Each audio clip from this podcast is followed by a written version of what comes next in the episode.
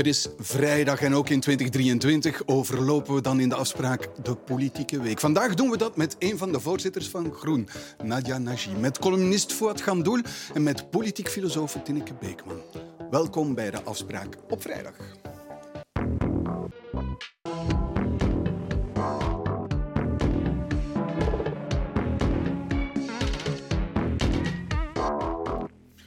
Goedenavond, Tineke Beekman. Uh, welkom. Het jaar 2023 is in Antwerpen wel gestart met een dieptepunt. Een kind is overleden door uh, drugsgeweld. U, u, woont in Antwerpen. Mm -hmm. Hoe ervaart uh, u dat? Hoe ervaart de stad dat eigenlijk? Ja, toch wel vrij dramatisch. niet alleen omdat het een kind is, maar ook omdat het, omdat het escaleert. Omdat je ook gewoon duidelijk voelt dat het alleen maar erger wordt. Hè? Dus dat het mhm. probleem helemaal niet onder controle is. Want um, vandaag opnieuw of vannacht opnieuw uh, een, een aanslag. Hebben mensen echt schrik intussen?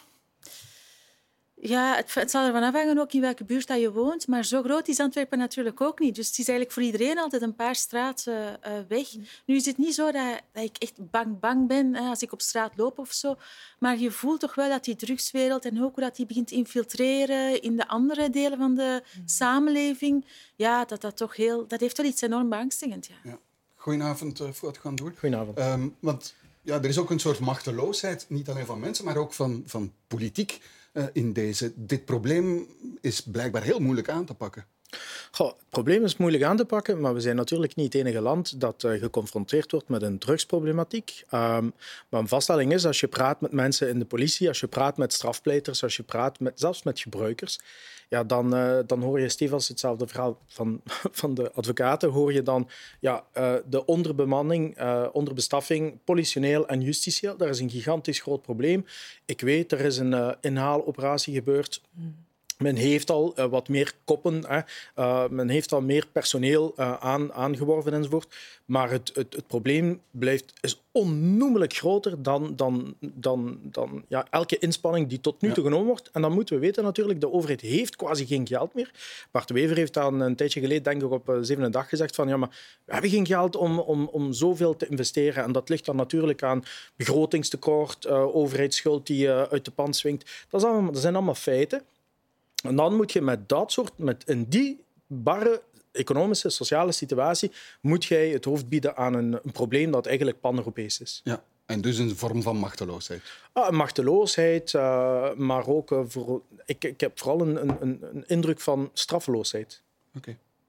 Goedenavond, mevrouw uh, Naji. Goedenavond. Er zijn criminologen die pleiten voor een andere oplossing. Die zeggen, laten we drugs legaliseren, dan maak je er een systeem van. Kan je het ook begeleiden, mm. controleren door de overheid, zelfs taxeren uh, door, door de overheid. Wat is het standpunt, want er zijn een aantal politieke partijen die daarvoor pleiten, wat is het standpunt van Groen daarover? Um, ja, als het gaat over softdrugs, dus over cannabis, dan pleiten wij ook voor de legalisering daarvan. Maar um, ik denk dat het debat gevoerd moet worden. Is dat een mogelijke oplossing? Ik denk wel niet dat dat de oplossing om die drugsoorlog aan te pakken. Ik denk niet dat, dat het zo eenvoudig is, ook niet eigenlijk, om gewoon te zeggen we gaan nu alle drugs legaliseren en dan is die drugsoorlog gedaan. Uh, zo gaat het niet werken. Maar dan heb je er als overheid misschien meer controle over. Want dat is toch de idee die daar vaak achter zit. Ik denk dat dat een stuk van de oplossing kan zijn, of dat het debat op zijn minst moet gevoerd worden. Uh, maar ik denk echt wel dat het op alle niveaus en op veel meer, uh, dat er veel meer dingen moeten gedaan worden. Ik denk als we naar Antwerpen kijken, dat we ook moeten kijken naar wij wijkpolitie bijvoorbeeld. Heel veel mensen in de buurt weten wel wat leeft in de, in de buurt en kunnen die informatie ook doorspelen naar de politie. Uh, als we kijken op federaal niveau, uh, is er ook geïnvesteerd in de politie. Is er nu ook een, haven, een havenprocureur. Uh, dat zijn allemaal stappen. We zien wel, ik denk dat we kunnen vaststellen dat de war on drugs nergens ter wereld trouwens gewonnen is. Dus ook dat is niet de oplossing. We gaan daar met heel veel verschillende facetten moeten kijken, want het is een heel complex en internationaal probleem. Oké. Goed, laten we dan naar een ander onderwerp uh, kijken. Want er is deze week eindelijk een akkoord bereikt tussen de regering De Croo en het uh, energieproductiebedrijf Engie over het verlengen van de twee jongste kerncentrales. Een akkoord dat volgens de opposities nauwelijks enige garantie biedt, wat door de meerderheid, met de premier op kop, eigenlijk wordt ontkend. De voorbije maanden, voorbije weken hebben de minister van Energie en mezelf samen die onder, onder, uh, onderhandelingen gevoerd met de nucleaire exploitant. En dat heeft geleid tot een akkoord. Men heeft dan in de loop van de dag uh, ja, gecommuniceerd vanuit de regering. En de, de marktwaarde van Engie is daarop uh, gestegen met ongeveer een miljard. Um, dus dat geeft u ergens wel een indicatie. Wat is het kostenplaatje bijvoorbeeld? Dat weet u niet, maar u zegt vandaag wel dat het geen impact zal hebben op de energiefactuur. Maar zonder een akkoord over de bedragen, dan kan u natuurlijk helemaal niks beloven. U gaat wel een akkoord om 50% van mijn aandelen te kopen, maar u gaat daar miljarden voor moeten betalen, maar u weet nog niet hoeveel. Dat moet nog onderhandeld worden. Ja, dan is er eigenlijk geen akkoord. Hè. Er starten ook geen werken, er starten studies overwerken. We hebben de mechaniek van de afvalfactuur bepaald, die er kortweg uit bestaat. Dat er een vast tarief zal zijn voor een vast volume. Net zoals dat bij u thuis is. Als je een groene bak buiten zet en daar een labeltje moet aanhangen om aan te tonen dat je betaald hebt, wel hetzelfde zal het geval zijn als het gaat over nucleair afval. Als ik kijk welke winstgevendheid die nucleaire activiteit heeft gehad, dan zie ik geen enkele reden waarom dit iets zou zijn wat op de factuur zou terechtkomen. Ja, mevrouw Najee, is er nu een akkoord of niet? De oppositie, Bart de Wever op kop, twijfelt daaraan. Zegt, er is geen prijs afgesproken, er is niks dat start, behalve misschien wat studiewerken. Is er nu een akkoord of niet? Natuurlijk is er een akkoord, daar is ook hard aan gewerkt aan dat akkoord. Er was voorbije juni was er een principesakkoord. Nu is er een heads of term, zeg maar een tussenstap naar een finaal akkoord. En dus de grote lijnen zijn wel allemaal bepaald in deze stap. Dat is een belangrijke stap die genomen wordt, want er is ook de, de expliciete stap genomen om onderzoeken te, te, op te starten om de kerncentrales te kunnen verlengen. Dus om te verlengen moet je eerst onderzoeken uitvoeren. Oké, is het dan ook bindend, dat akkoord? Of zijn er nog mogelijkheden dat bijvoorbeeld het bedrijf Engie kan afhaken en zeggen nee, we hebben nog altijd geen akkoord? Het finale akkoord is er vandaag nog niet. Daar zijn we altijd transparant over geweest. Er zijn stappen. We zijn nog niet aan dat finale akkoord. Maar de grote lijnen van dat akkoord zijn wel al genomen. Dat is al gedaan. En we zien ook dat Engie daaruit ook stappen onderneemt. Zoals bijvoorbeeld die studie zal opstarten. Dat zouden ze niet doen, moesten ze niet denken dat we nadien naar een finale akkoord gaan. Hoe kijkt u daarnaar, mevrouw Beekman? Bent u nu opgelucht of zegt u nee, ik ben argwanend? Ja, ik ben heel argwanend. Uh, dat is misschien ook een beetje mijn karakter. Maar um, ja, je ziet toch wel dat de hele omstandigheid van de onderhandeling heel voordelig is voor Engie. En dat is een multinational en dat is, ja, het is een heel gehaaid bedrijf ook. Um, en ja, dat boezemt al weinig vertrouwen in. En daarbij is het natuurlijk ook duidelijk dat politici willen kunnen communiceren naar de bevolking toe. We hebben een akkoord, dat is -hmm. één. Ten tweede dat je ook ziet dat het gaat over de winter van uh, 26, 27. Dus eigenlijk het licht mag niet uitgaan. Hè. Dat is zo'n mhm. schrikbeeld heeft bij de bevolking. Eventueel ook die verlenging voor, voor tien jaar. Maar als je ziet wat Engie daarvoor in ruil krijgt, namelijk dat plafond op die, uh, berging, op, op, op die berging van, van, van het, het afval, dan vind ik dat eigenlijk toch wel heel verontrustend. Om, en, en, en spijtig ook. En pijnlijk ook. Ik weet niet eens hoe ik het moet zeggen. Gewoon omdat die berging, heb ik gelezen, die kan bijvoorbeeld al 100 jaar duren. Dat is, dat is een gigantisch probleem. Uh, waarvan de, zelfs de omvang op al die termijnen ook niet duidelijk is. Dat is ook iets dat we doorschuiven naar volgende generaties. En het feit dat eigenlijk oorspronkelijk dat bedrijf verantwoordelijk was voor die berging en dat ze daar nu toch een enorme cadeau krijgen, terwijl wat er tegenover staat nog zoveel decennia gaat doorwerken, dat, dat, dat kan je toch nooit een duurzame visie mhm. noemen. Niet alleen gaat het licht uit of gaat het niet uit, maar ook naar de volgende generaties toe. Vind ik dat eigenlijk mhm. een enorm pijnlijk gegeven. Ja, dat is natuurlijk ook waarom dat die onderhandelingen niet zo vlot of niet zo gemakkelijk zijn verlopen tot nu. Hè. Want zoals je zegt, en dat klopt ook helemaal, die, die prijs die we nu gaan bepalen, ja, dat heeft een impact op mijn mogelijke achter-achterkleinkinderen. Dus dat is inderdaad zo. En dat betekent ook dat die prijs die nu bepaald wordt, dat dat geen natte vingerwerk is. Hè. Want we horen van de oppositie van ja, er is nog geen prijs op tafel, dat, dat getal is er nog niet. Ja, nee, daar wordt heel hard aan gewerkt, want je wil dat niet zomaar in één nacht beslissen. Dit is iets waar heel veel experts over moeten gaan. Want over de kernuitstap is decennia geleden al een beslissing gemaakt. Maar ondertussen is daar niks aan gedaan. Dat is niet voorbereid. Maar ook de berging van het afval. Dus daar is niks op voorbereid. En wij zijn dat werk nu wel in twee jaar aan het doen. Ja, maar het is niet duurzaam als, als oplossing, uh, zegt. En, en Engie komt er zo gemakkelijk uh, van af. U zit in een ongelooflijk moeilijke moeilijke positie om die onderhandelingen te voeren. Ja, we hebben vorig jaar dus die, die, uh, die maatregel getroffen om twee kerncentrales te verlengen. Dat is niet het plan dat voorlag. Hè. Dat was niet de bedoeling. Dat is iets dat we hebben moeten, moeten doen deze legislatuur, omdat de omgeving ook is veranderd, omdat uh, er ook een oorlog is op het Europese continent, hebben we dat moeten doen. Dat was niet het plan. Dat, is, dat vraagt ook een zekere Maar Angie was tot nu toe zelf verantwoordelijk voor de berging van kernafval. En nu gaan wij daar een stuk van ja, dan denk ik, goed onderhandeld, Angie. Ja. Niet goed onderhandeld, regering. Nu, Angie zal nog altijd instaan voor de ontmanteling van de kerncentrales. Dus het afbreken van de kerncentrales zit nog altijd volledig bij Angie. En nu wordt er gekeken naar wat kost het en hoe gaan we het afval bergen. Dat is nu wat wordt berekend voor welk volume afval zal er zijn en welke prijs zullen we daaraan koppelen. En die prijs die wordt nu onderzocht door experten. Dus in het akkoord dat er nu is, is er gekeken naar welke methode gaan we gebruiken om dat te onderzoeken. Want ook dat lag niet op tafel. Hè. Toen dat wij erbij kwamen in de regering, lag er niks. Hè. Er was nog niet bepaald hoe dat we zelfs gaan berekenen hoe dat we afval gaan, gaan bergen of de manier waarop we dat gaan doen, dat was er nog niet. Boezemt het u vertrouwen in? Nee, absoluut niet. Absoluut, absoluut niet. Uh, de, de, voorzitter zegt nu net van het is eigenlijk een tussenakkoord. Het is eigenlijk een tussenakkoord. Daar was geen akkoord. We hebben iets onderhandeld. We zijn nu in de volgende fase, uh, waar een aantal lijnen worden gelegd voor de komende dingen. Maar de devil is always in the details. En de devil zit eigenlijk op het einde van de rit. En dan gaat je... En in de, in de prijs. En, en in de prijs. En die prijs die wordt bepaald door de monopolist.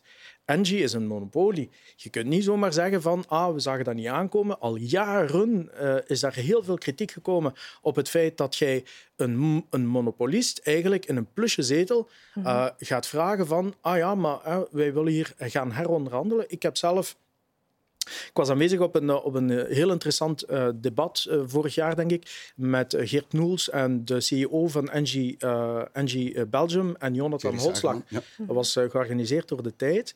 dat was bijzonder interessant, want die kerel zat daar letterlijk middenin en die zei van, kijk, wij tot nu toe weten wij niks. De Mhm. overheid die is vrij wispelturig. Gaan we verlengen, gaan we niet verlengen? En je zit met een, je zit met, met, met een timeframe waar je je aan moet houden. De, het milieueffectenrapport, dus een Europees milieueffectenrapport. Uh, het bestellen van, van, van de grondstoffen, hè, van, van, Mhm. van het uranium en noem maar op. Maar ook over de berging. Over de berging is eigenlijk nog niks afgesproken. Dus die prijs die gaat op het einde gekomen. En de kans is vrij groot dat de, dat de factuur bij ons toch terechtkomt. Wel, is dat zo, dat die factuur bij ons terecht gaat komen? De premier heeft gezegd, ja, niet op de elektriciteitsfactuur. Maar goed, je betaalt belastingen en via de belastingen zal het wel bij ons Ja, terechtkomen. het zal zeker niet op de elektriciteitsfactuur zijn. maar via de klopt. belastingen dan... Voor het, voor het bergen van het afval. En we hebben die eerste vijf kerncentrales die gaan sluiten. Sowieso, daar heeft de overheid ook niks mee te maken. Dat zit volledig bij Engie. En dan heb je twee kerncentrales die verlengd worden. En ook daar, hè, alles wat tot nu is gebeurd, daar heeft de overheid dus niks mee te maken. Of Nee, maar de vraag is, we gaan er toch voor betalen. Je kan niet ontkennen dat we als belastingbetaler op een bepaald moment hiervoor gaan betalen. Ja, het grootste deel van al dat kernafval, hè, dus voor het bergen van dat kernafval, zal wel degelijk bij Engie liggen. Dat kan ook niet anders. Er waren zeven kerncentrales. Vijf kerncentrales heeft de overheid niks mee te maken. En op die twee, alleen de helft daarvan zit voor de komende tien jaar bij de overheid, maar al de rest ook niet.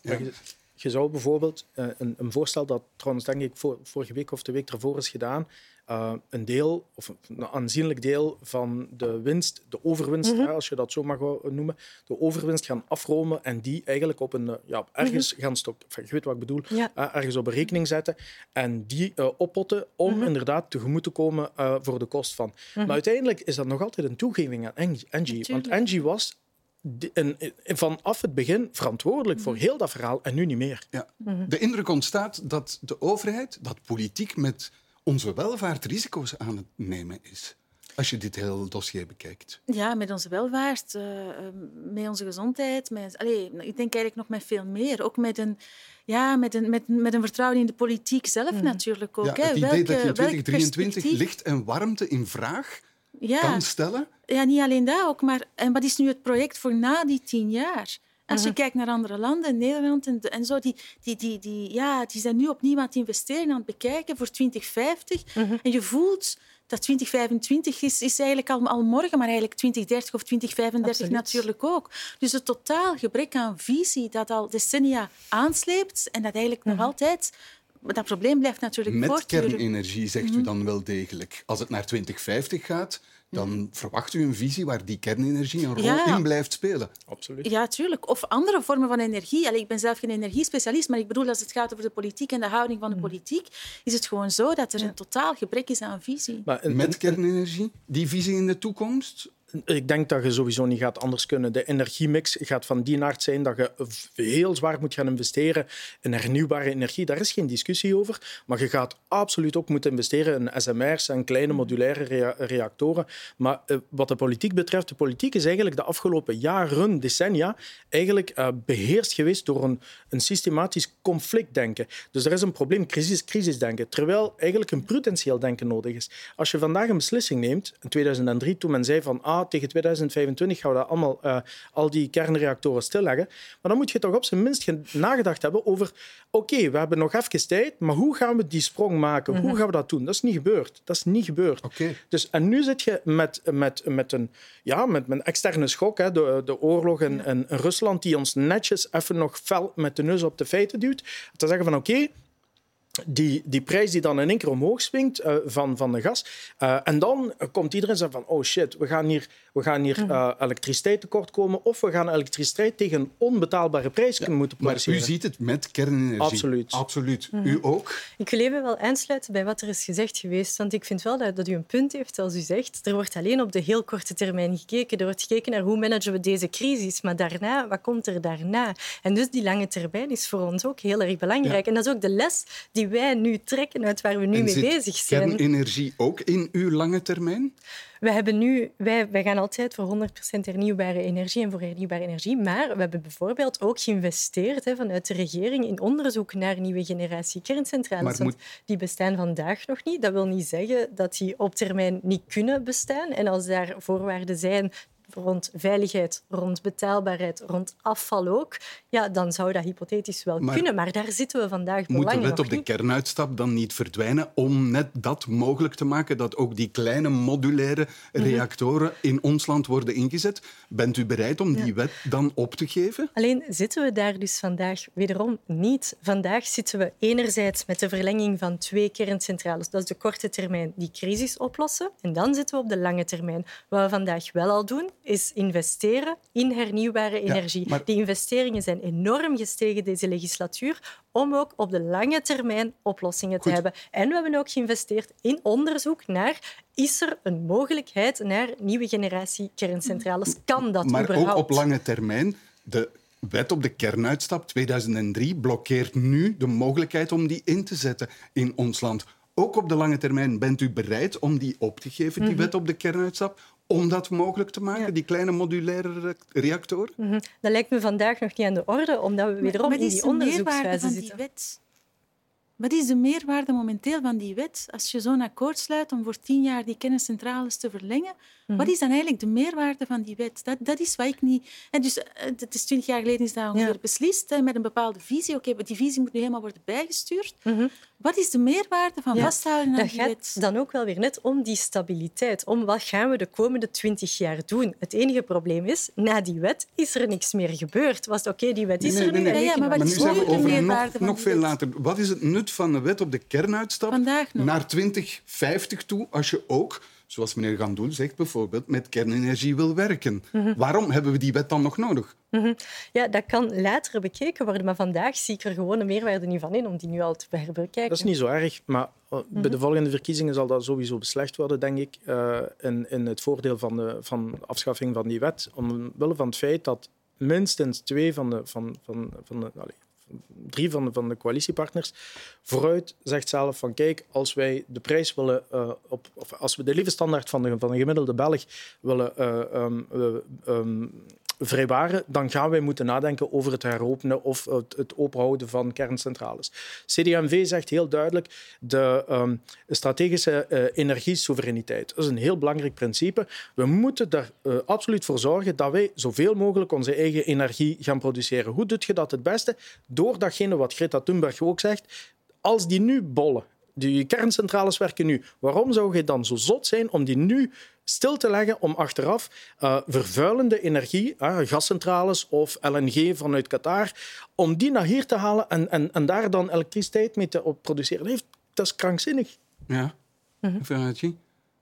Want het blijft de vraag, waarom houdt u vast aan die wet op de kernuitstap als je op lange termijn in een energiemix terechtkomt waar die een deel van kunnen uitmaken? Mm Waar ze een deel van kunnen uitmaken, hypothetisch. Maar vandaag weten we gewoon dat we kunnen werken op maar hernieuwbare alle landen, energie. Alle, alle, Duitsland, Japan, Japan heeft Fukushima meegemaakt. Japan gaat extra kerncentrales opbouwen. Dus dat, het, het lijkt mhm. mij onwezenlijk om dogmatisch vast te houden aan het sluiten van kerncentrales. Ik zeg niet dat je ze allemaal moet ophouden, mhm. maar dat je minstens de behoefte kunt dekken in de winter van 26, 27. En ik hoor je eigen minister zeggen, het zou best goed kunnen zijn dat we, ik weet niet hoeveel, 500 megawatt of ik weet niet hoeveel dat ze zei, dat we tekort gaan komen en dat je dan gaat, gaat moeten inkopen. Voor wat zou je u in die situatie gaan nestelen omwille van een dogmatische houding? Mhm. ja. Maar nu heeft u het over de huidige kerncentrales dan, hè? U heeft het nu over de huidige kerncentrales. Ja, de huidige die er nu zijn, maar je gaat sowieso onderzoek moeten doen over die modulaire uh, kerncentrales. Dat moet sowieso gebeuren, mhm. want die expertise hebben wij. Het zou maar gek zijn dat wij een competitief voordeel als, als die expertise die wij hebben en die anderen niet hebben, dat we dat gaan opgeven, dat hoor ik u ook niet zeggen. Maar dat onderzoek wordt ook gedaan. Allee, dat financiert de regering Maar u bent ook, niet dus- bereid om die drie andere, mhm. oudere kernreactoren, om die ook te verlengen. Daar zegt Groen tot nu toe ook altijd nee op. Ja, dat klopt. Het is niet dat u bereid bent, omdat ene stap is gezet, dat ook de andere stap wordt gezet. Nee, dat klopt. We verlengen nu twee kerncentrales en over de vijf andere kerncentrales, daar hebben we altijd over gezegd, die gaan sluiten. Oké. In welke mate gaat dit dossier de, de evaluatie van de regeringsdeelname van Groen beoordelen, beïnvloeden, denkt u? Maar ik denk dat de mensen die uh, trouw zijn aan groen, dat wellicht ook wel zijn. De vraag is natuurlijk hoeveel andere mensen dat ze kunnen overtuigen. En dat denk ik wordt wel heel, uh, heel erg moeilijk. Maar ik, ik ik weet niet wat er iemand is in de regering momenteel die daarmee een goede beurt maakt. Omdat eigenlijk iedereen wel doorheeft dat het heel erg uh, onduidelijk is en dat er eigenlijk nog heel... Ja, dus het is eigenlijk een, een, intentieverklaring. Dat is eigenlijk het akkoord. Dat nu verkocht wordt als een soort zekerheid. Mhm. Maar eigenlijk die zekerheid die is er niet. Mhm. En ik vrees dat de mensen al zoveel hebben meegemaakt van de politiek dat ze dat ook wel gaan doorzien. Ja. Mhm. Is dat ook het gevoel dat bij Groen uh, leeft? Dit wordt een punt waarop wij zullen afgerekend worden. Die kernuitstap al dan uh, niet in de, in de, evaluatie van onze regeringsdeelname? Um, ik denk dat... Allee, we hebben daar intern al vaker over gesproken. Hè, want allee, vorig jaar, 18 maart, dat was geen gemakkelijke periode voor, voor ons en onze achterban. Hè, maar dat is een keuze die wij gemaakt hebben en waar we achter staan ook. Die wij ook... Allee, heel, allee, wij, wij, voeren die keuze ook wel echt uit. Dus dat is, dat is het probleem zo niet. En uh, ik denk dat wij... Allee, onze achterban is daar ook in mee. We hebben dat, allee, dat is voor ons eigenlijk niet ja, zo... Stoort het u dan dat meneer Gandoul u bijvoorbeeld dogmatisch noemt uh, op, op dit punt? um, het is wel zo dat wij ons standpunt effectief hebben aangepast aan de context. Dus ik vind dogmatisch in deze niet per se de juiste, de juiste term. We hebben wel degelijk twee kerncentrales verlengd. Ook al stond dat niet in het regeerakkoord, hebben we dat wel gedaan. En dat is niet over heel veel andere onderwerpen in deze regering gebeurd. Vindt u het dogmatisch als u het standpunt uh, hoort dat mevrouw Najin nu verdedigt? Ik, ik kan me wel vinden in principieel. Ik, ik snap wel dat het als principieel wordt, uh, wordt voorgesteld. Oké, goed. Laten we dan naar een ander onderwerp gaan. Um, het gebouw in de Schaarbeekse Paleizenstraat, waar honderden daklozen, illegale migranten en vluchtelingen onderdak zoeken. Dat wordt uh, stilletjes aan een symbool van het falende opvangbeleid. Alle overheden wijzen naar elkaar in dit dossier, maar niemand heeft echt een pasklaar antwoord op het probleem.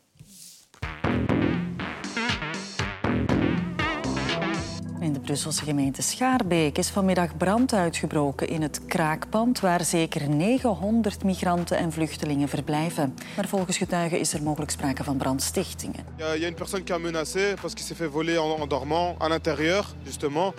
Et euh, il a dit qu'il allait faire menace, qu'il allait faire justice lui-même. Paleizenstraat 48 Schaarbeek. Vroeger een ontvangstkantoor van de belastingen, vandaag zowat het grootste kraakpand van het land. De federale overheid trekt zich daar niks van, aan, niks ze zijn nog zelfs geen dekens komen uitdelen hier. Maar dus ze heeft wel het lef om te zeggen dat wij nu de situatie zouden blokkeren. You know, this is Very unhygienic. We wachten helemaal niet af. En ik ben het eigenlijk ook eerlijk gezegd een beetje beu om van de dame in de reportage bijvoorbeeld te moeten Advocaat, horen dat ik het niet zou willen oplossen. Mevrouw Beck, als ik het niet zou willen oplossen, dan zou ik niet de voorbije maanden duizenden opvangplaatsen hebben gecreëerd. Ik kan u beloven, als ik de volgende keer in deze studio zal zitten, dan zullen wij opnieuw meer bijkomende plaatsen gecreëerd hebben. Ja, maar kunt ik kan u beloven niet dat beloven, deze mensen- Ik kan u niet beloven dat daarmee de hele opvangsituatie is opgelost. Daarvoor zijn ook structurele maatregelen nodig.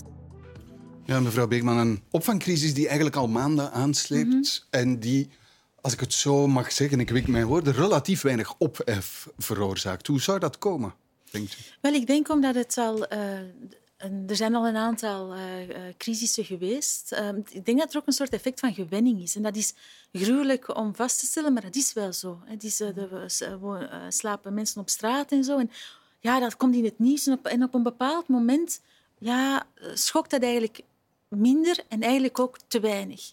En ik denk ook dat er een gevoel van, opnieuw van machteloosheid is. En eh, ja, een gebrek aan perspectief, denk ik. Van, van, ja, wat moeten we daar nu eigenlijk mee doen? Ik denk dat dat ook wel meespeelt. Ja, wat vindt u? Wat moet er gebeuren? Ja.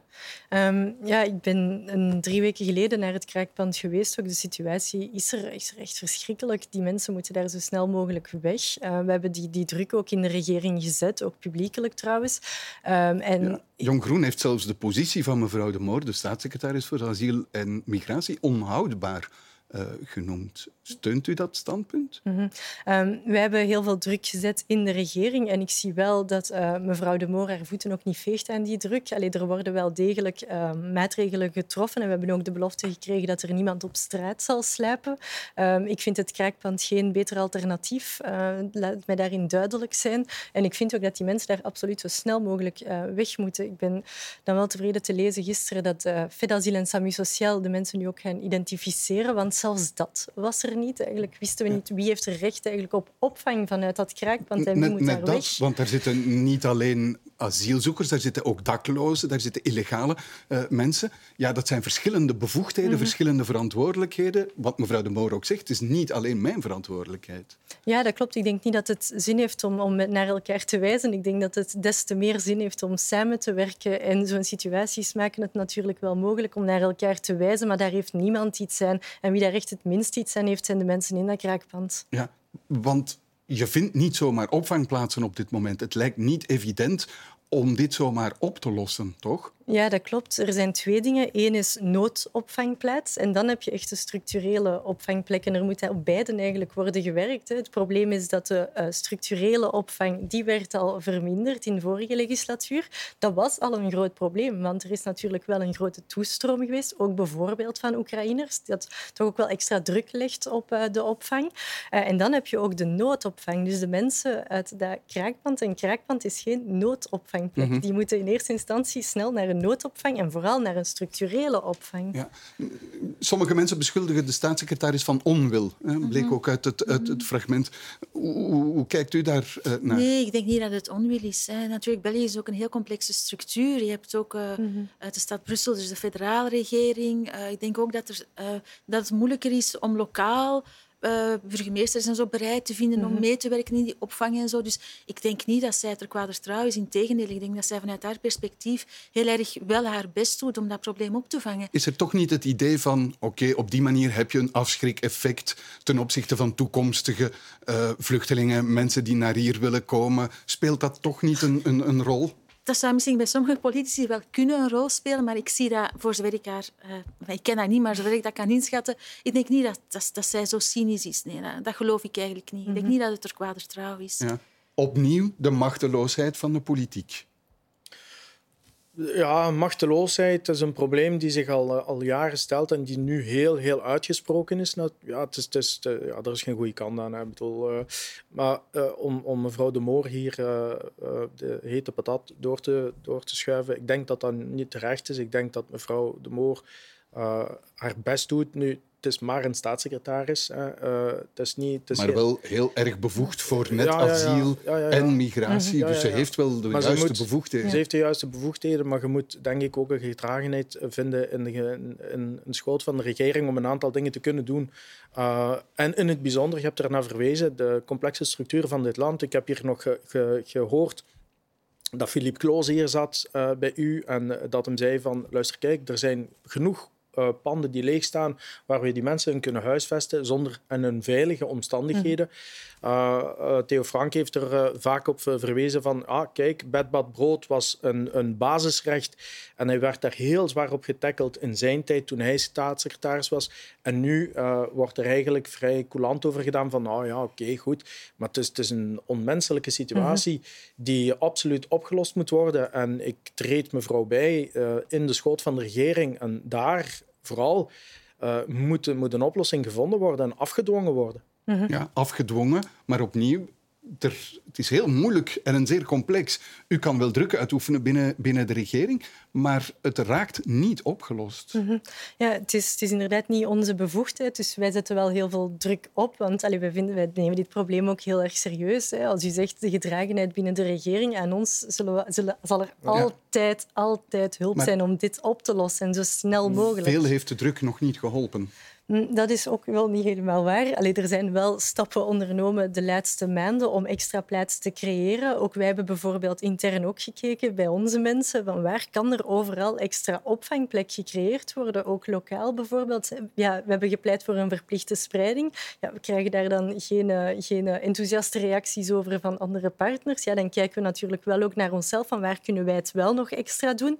Uh, maar ik zie wel, wel, we hebben de belofte gekregen dat er niemand op straat zal slapen en dat er ook snel nieuwe plaatsen bij komen. En daar wordt ook wel aan gewerkt. Het mag veel sneller gaan van mij, uh, zeker wat betreft dat kraakpand. Ja, dit kan alleen Europees uh, opgelost mm. worden. Ja? ja, dat is duidelijk. Ja. Er zijn ook heel veel mensen, zoals eh, mevrouw De Moor ook zei, die al afgewezen zijn in andere landen en dan naar hier komen en zo. En uh, ja, het zou ook het vertrouwen in Europa heel veel goed doen dat daar een gezamenlijke uh, oplossing uh, voor komt. En dan, ja, dan kan je natuurlijk ook wel meer kijken naar die traditionele partijen die in principe, de, de liberalen, socialisten, christendemocraten en zo, toch wel enige macht zouden hebben in het Europees Parlement en in de commissies om daar gezamenlijk iets aan te doen. Dat vind ik wel. Mhm. En dat is eigenlijk de link die ze zelf moeten maken. Het volstaat niet dat, dat iemand zegt, zoals Egbert Lachaert, vol is vol. Ja. Nee, ja, als je ook een, een, een liberale president van Europa mhm. hebt, dan zou er toch wel een mogelijkheid moeten zijn om dat op een hoger plan um, um, aan te kaarten en ook op te lossen. Want daar ligt de oplossing. De oplossing, oplossing ligt niet in België. Ja, daar ligt de oplossing. Maar dat betekent ook strenger beleid op Europees niveau rond asiel en migratie. Maar je hebt geen andere keuze. Hè. Het is dat of het opgeven van Schengen. Hè. Ik bedoel, uh, vroeg of laat gaat die vraag gesteld worden als, als, uh, als het blijft uh, regenen. Men doet dan asielshopping. Hè. Men gaat van land X naar Y naar Z. en men, ja, het land waar, waar, je, waar, je, waar je geen kans meer maakt, dan gaat je naar de volgende en de volgende.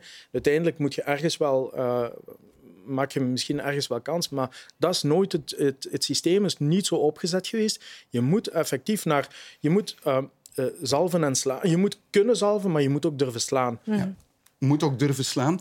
Bent u daar uh, mee akkoord? Zegt u ook tegen die mensen die inderdaad zich al eerder aangemeld hebben in een ander Schengenland, u moet er terug uit. We gaan u niet opvangen. Mhm. Ja?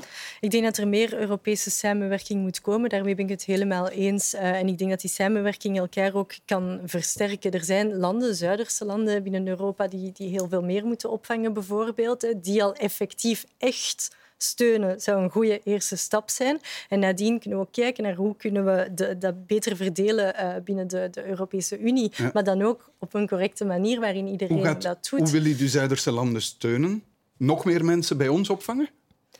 Um, ik denk dat we ervoor moeten zorgen dat, om te beginnen, daar komen heel veel mensen aan, dat we hen daarin ondersteunen, in die mensen gewoon al ontvangen. Want ja, die mensen komen daar nu eenmaal aan. Gewoon dat al is een probleem vandaag. Voor dat ja. laten wij die landen aan hun lot over. Hè. Dus van, doe ja. maar, trek je plan. Dus dat betekent dat wij geld zouden geven aan Zuiderse landen om die opvang beter te organiseren. Griekenland, Italië, Spanje.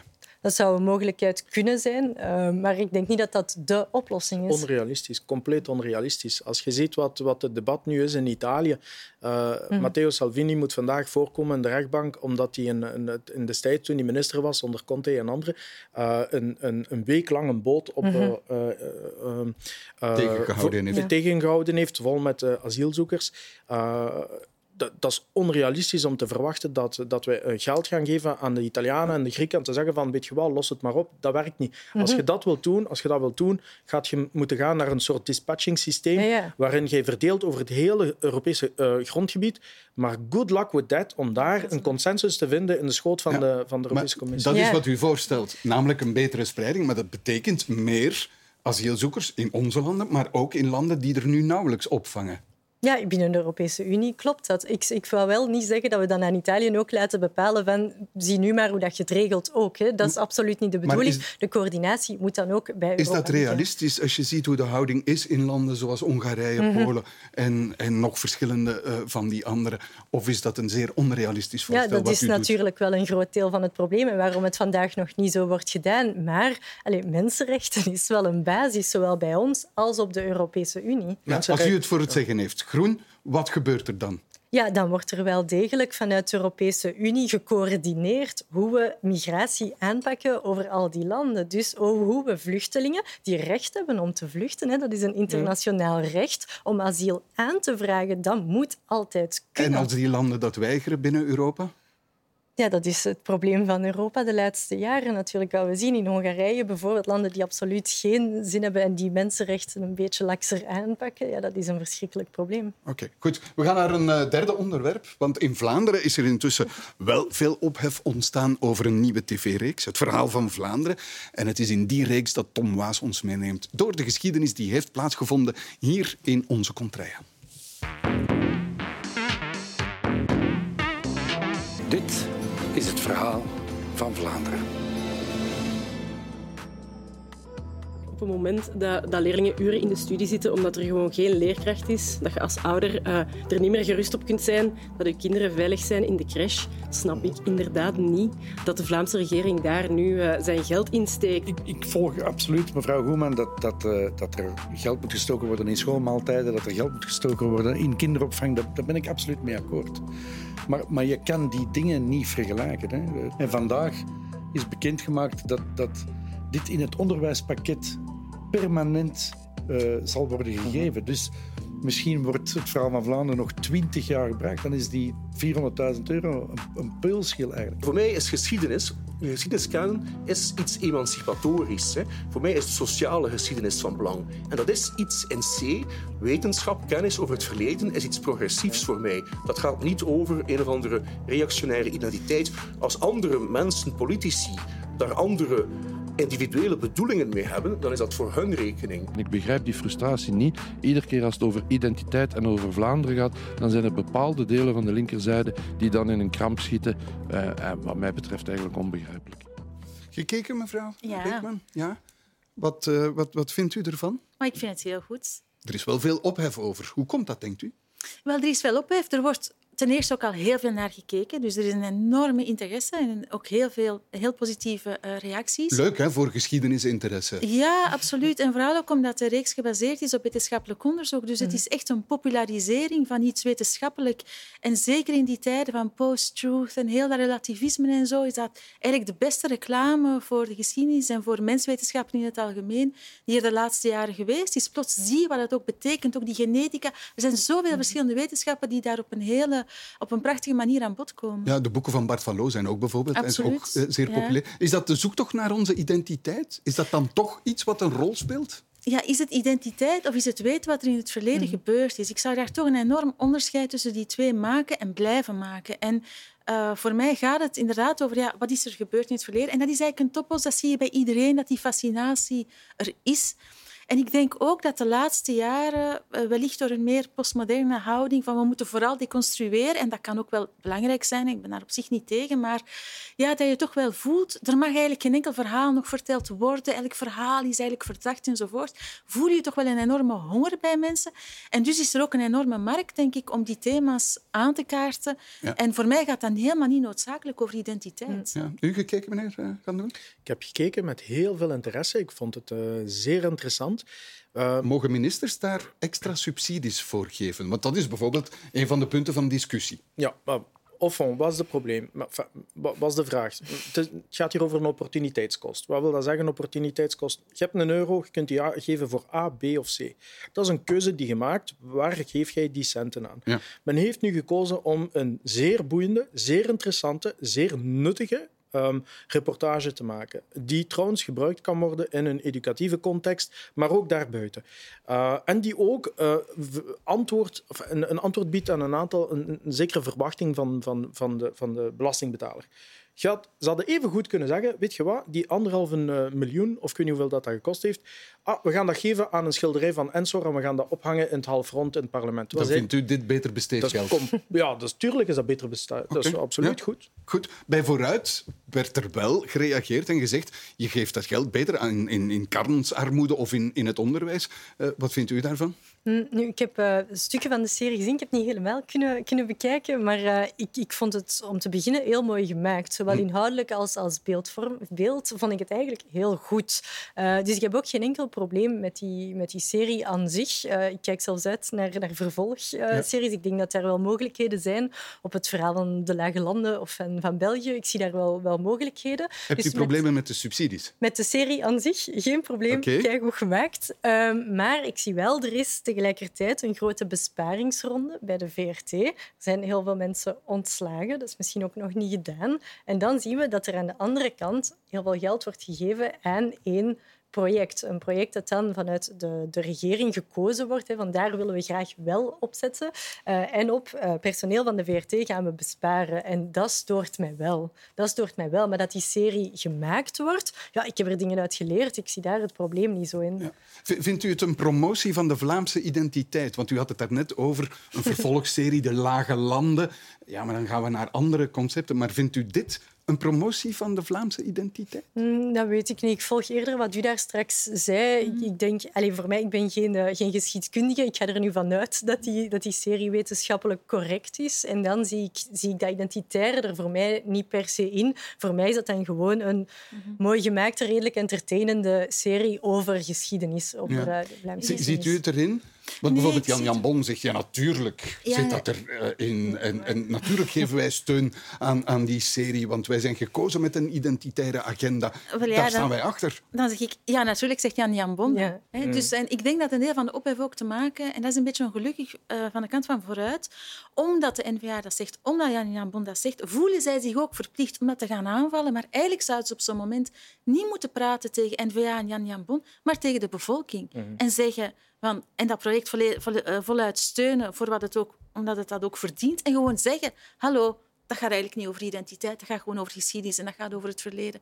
En daar zouden ze hun eigen politieke geloofwaardigheid veel meer dienst mee doen. Want ik sluit me helemaal aan bij wat eh, Jan- Dumoulin gezegd heeft. Jan Dimoen is de historicus Ja, die we net even hoorden. Het is ook emancipatorisch. U had het over mensenrechten, maar als je eh, die mensenrechten, als je iets weet over de Franse Revolutie en je weet iets over het ancien regime, je weet iets over die geschiedenis, dan is het veel, veel makkelijker om te begrijpen wat ze betekenen, waarom dat ze er zijn.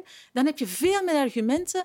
Dus die geschiedenis kan je eigenlijk bijna niet loskoppelen van inhoudelijke politieke standpunten of van, van waarden die we vandaag de dag hebben. Dus u schiet niet in een kramp, zoals Jan Jan Bon daarnet zei. en hij had het over links, dus ja, daar zitten heel veel partijen eh, Ja. aan, aan de linkerzijde. Wij zitten Schiet u daarbij in een, in ik voel geen enkele kramp, dus, dus dat niet. Maar ik denk wel, ik denk wel dat dat ook door NVA, dit programma, wel wordt gebruikt om hun eigen programma te versterken. En om te versterken dat zij het idee van die, die Vlaamse identiteit versterken. En stoort het- u dat? Ik zie het niet zo, maar ik zie wel dat ze dat recupereren om dat verhaal te maken. En stoort u dat? Dat is een politiek debat en dat heeft eigenlijk weinig te maken met de inhoud en de kwaliteit van die serie op zich. Dus ik heb, zoals ik daar straks al zei, moeite met enerzijds besparen op de, op de VRT en anderzijds wel één project dat u wel goed ligt, wel steunen. Op die lucraakheid van dat project willen we wel doen, daar heb ik issue mee, maar niet met de serie op zich. Dus mijn krampen, dat valt goed mee. Ja. Eh, Werkt de serie inderdaad zoals de NVA denkt? Nazi-bevorderend, als je dat eh, woord mag gebruiken. Voelt u dat zo aan? Nee, absoluut niet. Uh, uh, nazi-bevorderend, als het, eh, als het zou afhangen van, van een programma, dan is het maar, dan is het maar dan is het heel erg gesteld. Dat, dat, denk ik niet. Om een natie te vormen moet je een gemeenschap vormen. En een gemeenschap vormt je met alle mhm. mensen die aanwezig zijn. Niet alleen de mensen die lijken op u, maar ook de mensen die niet op u lijken en die ook daar zijn en die daar ook geboren zijn. Met andere woorden, ik. Uh, dus, uh, dus het is, ja, ook. maar uh, Nee, nee. Uh, je, gaat, je gaat iets heel anders moeten doen om, om gemeenschap te vormen en aan natievorming te kunnen doen. Is er een natiegevoel in Vlaanderen? Ja, manifest.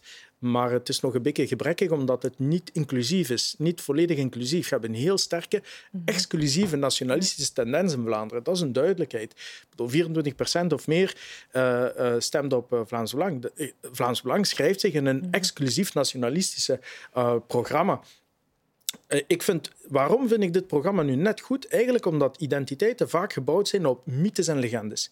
Terwijl een historisch uh, reportage kan al die mythes en legendes in nuanceren en doorprikken. Mm -hmm. En die nuance, die rijke nuance, dat is juist wat we nodig dat zit hebben. Hier wel in. u, u, werkt mee aan de Vlaamse kanon. Mm -hmm. um, wat, er, fris ons geheugen eens even op. Wat, wat is dat eigenlijk? Wel, uh, wij, doen, wij maken een project dat uh, heel erg lijkt eigenlijk, of geïnspireerd in zekere zin door de Nederlandse kanon. Dus dat wil zeggen dat wij uh, in 60 vensters een soort blik werpen op het verleden. Dus dat er een aantal heel belangrijke thema's van het verleden worden uitgediept op chronologische volgorde. En dat kan uh, gebruikt worden, kan gebruikt worden in het onderwijs, bij inburgering, bij uh, erfgoed, toerisme enzovoort. Het lijkt dus eigenlijk op het, verhaal, op, op het concept van het verhaal van ja, Vlaanderen. Ja, en er zijn ook mensen die uh, zowel voor de kanon als bij het verhaal van Vlaanderen werken. En het is ook gebaseerd op wetenschappelijk onderzoek. En het is ook niet teleologisch van de geschiedenis gaat naar één bepaald ding. Nee, wij belichten ook helemaal de contingentie uh, er is ook geen projectie van het huidige Vlaanderen naar het verleden. Dat doen wij ook niet. Dus we zijn er allemaal heel erg uh, nauw, nauwkeurig in. dat wordt door de minister-president geciteerd als van ja, mhm. natuurlijk is dat onze identitaire agenda en mhm. natuurlijk gaan we die Vlaamse kanon uh, steunen. Dus wel, het past ja. wel in dat kraam. Wel, toen dat de commissie begonnen is, de commissievoorzitter heeft heel duidelijk vastgelegd bij het begin van, van de werken dat dat het helemaal gekoppeld is van identiteit voor ons. Dat is in Nederland gebeurd en dat doen wij ook. En natuurlijk is het een beetje eigen aan politici dat ze, ja, dat ze zich daarmee willen identificeren of dat ze dat, dat een beetje willen uh, recupereren. Maar eigenlijk ja, zijn wij daar niet echt van onder de indruk, omdat wij ook het volste vertrouwen hebben dat als mensen het resultaat van het werk zien, dat het dan ook wel duidelijk is dat het helemaal niet past in de agenda van de ene of de andere partij. Het zou gebruikt worden bij inburgering. Is dat iets wat u zou toejuichen? Dat een um, kanon gebruikt wordt? Kan gebruikt worden. Of kan ja. gebruikt worden om eigenlijk ja, voor een stuk uit te leggen wie wij zijn? Het is, het is iets waar ik wel heel kritisch naar kijk. Uh, ik denk dat het ook gezond is. Uh, een van de vragen voor ons is uh, om te beginnen eigenlijk, wat is het doel hè, van die kanon? Als we dat gaan gebruiken naar inburgeringscursussen, ja, welke delen van onze geschiedenis komen daarin? ook ja, naar inclusiviteit toe ja, gaan we alle gemeenschappen daar ook bij betrekken. Want ook mm. zij maken deel uit van Absoluut. de Vlaamse geschiedenis. Ja, ja, ja. Hoe zullen zij daarbij worden betrokken? Welke participatiegraad zal er zijn? Um, dus dat zijn voor mij nog heel belangrijke delen. Ook als we dus kijken u bent naar... behoorlijk argwanend. Eigenlijk wel. Als we kijken naar... Onder... Al ja, als we kijken naar onderwijs bijvoorbeeld, waar het ook voor moet dienen. Ja, je hebt natuurlijk ook eindtermengeschiedenis. Ja, mm. Hoe, hoe matchen ja. die twee? Dat zijn voor ons allemaal nog ja, vragen. Kan, kan je haar geruststellen? Ja, want de vrijheid van onderwijs is zodanig dat het gewoon niet kan dat het opgelegd wordt. Mm. En wat, wat wij proberen te doen, is van een kanon te maken die zo aantrekkelijk is dat leraars zin gaan, goesting gaan hebben om die te gebruiken. Dan vinden we het eigenlijk geslaagd. En dan ook, ja, het is heel moeilijk om erover te praten, want ik zou u voorbeelden kunnen geven, maar dat mag natuurlijk niet. Hij ligt er nog niet. Ja. Uh, dus, maar ik, ik begrijp helemaal de bezorgdheid en ja. wij zijn ook heel erg in contact met de mensen van inburgering. En het is natuurlijk ook zo, dus er worden eigenlijk ook heel veel impliciete kanons gemaakt. Er zijn ook uh, documenten die gebruikt worden voor inburgering. Uh, alleen wordt dat dan minder besproken. Mm -hmm. en dus, maar waarom is er dan nood aan nog extra documenten? Wel, dat is een oprechte ik denk, vraag. Ja, wel, ik denk het feit... Uh, het is heel duidelijk dat al die mensen die daarmee bezig zijn, vaak ook zelf dingen moeten zoeken en zo. Dus het feit dat je eigenlijk opnieuw door een commissie die dat wetenschappelijk aanpakt en ook al populariserend brengt, uh, dat is ook gewoon een, een, een, rijkdom aan informatie die, die mm -hmm. kan gebruikt worden. Ik denk wel dat het heel moeilijk wordt. Stel, het wordt gebruikt in een inburgeringscursus om uit te leggen wie is de Vlaming. Maar ja, dat, is de vraag heel niet. Dat is helemaal vatten. de vraag niet. Dat is helemaal de vraag niet.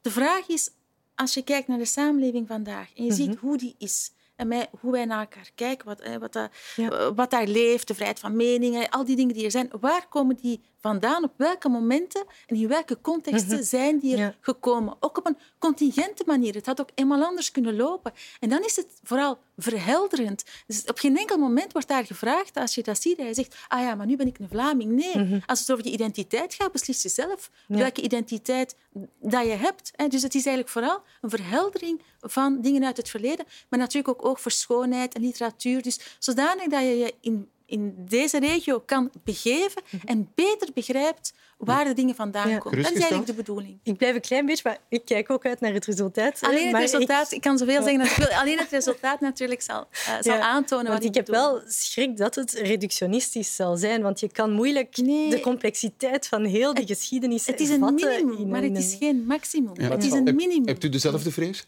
Nee, absoluut niet. Uh, ik denk dat een kanon... Voor andere landen hebben dat ook. Hè. Dus we, ik, ik, denk dat er een vraag naar, naar is en dat, dat, dat, je moet opletten voor de politieke instrumentalisering. Mm -hmm. Daar heb ik alle begrip voor.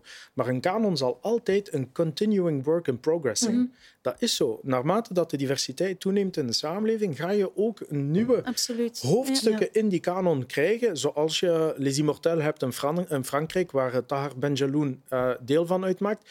Ja, wie had ooit gedacht dat, uh, dat er een Marokkaan bij, bij, uh, bij Les Immortels van Frankrijk zou komen? Ik bedoel, dat is... En, en, en, en zo is het in Nederland ook gebeurd. En zo groeit dat, zo groeit dat naarmate ja. Ramzi Nasser in Nederland. Komen, ja. Dus het, dat gaat groeien. Dat is dat voor ons ook iets heel belangrijk, dat dat product dan ook niet dat kan afgewerkt perfect, nee, nee, maar perfect inclusief zijn. Er is in Nederland een herrijking geweest en wij ook zijn helemaal overtuigd van het nut van een herrijking na een aantal jaren. En inderdaad, het debat, en als mensen zouden zeggen, ja, maar er zijn blinde vlekken of zo, wel, dan is er ook die kanon een gelegenheid om het daarover te hebben. Tegen wanneer? De kanon? Mei. Mei van dit jaar? Ja. Goed. Dat is het einde van deze afspraak op vrijdag. en daarmee is ook de eerste politieke week van het jaar 2023 netjes neergelegd. En zoals altijd dank ik mijn gasten voor de deskundige hulp daarbij. Nadja Nashi, Fuad en Tineke Beekman. En u, dames en heren, dank dat u er opnieuw bij was. Tot volgende week.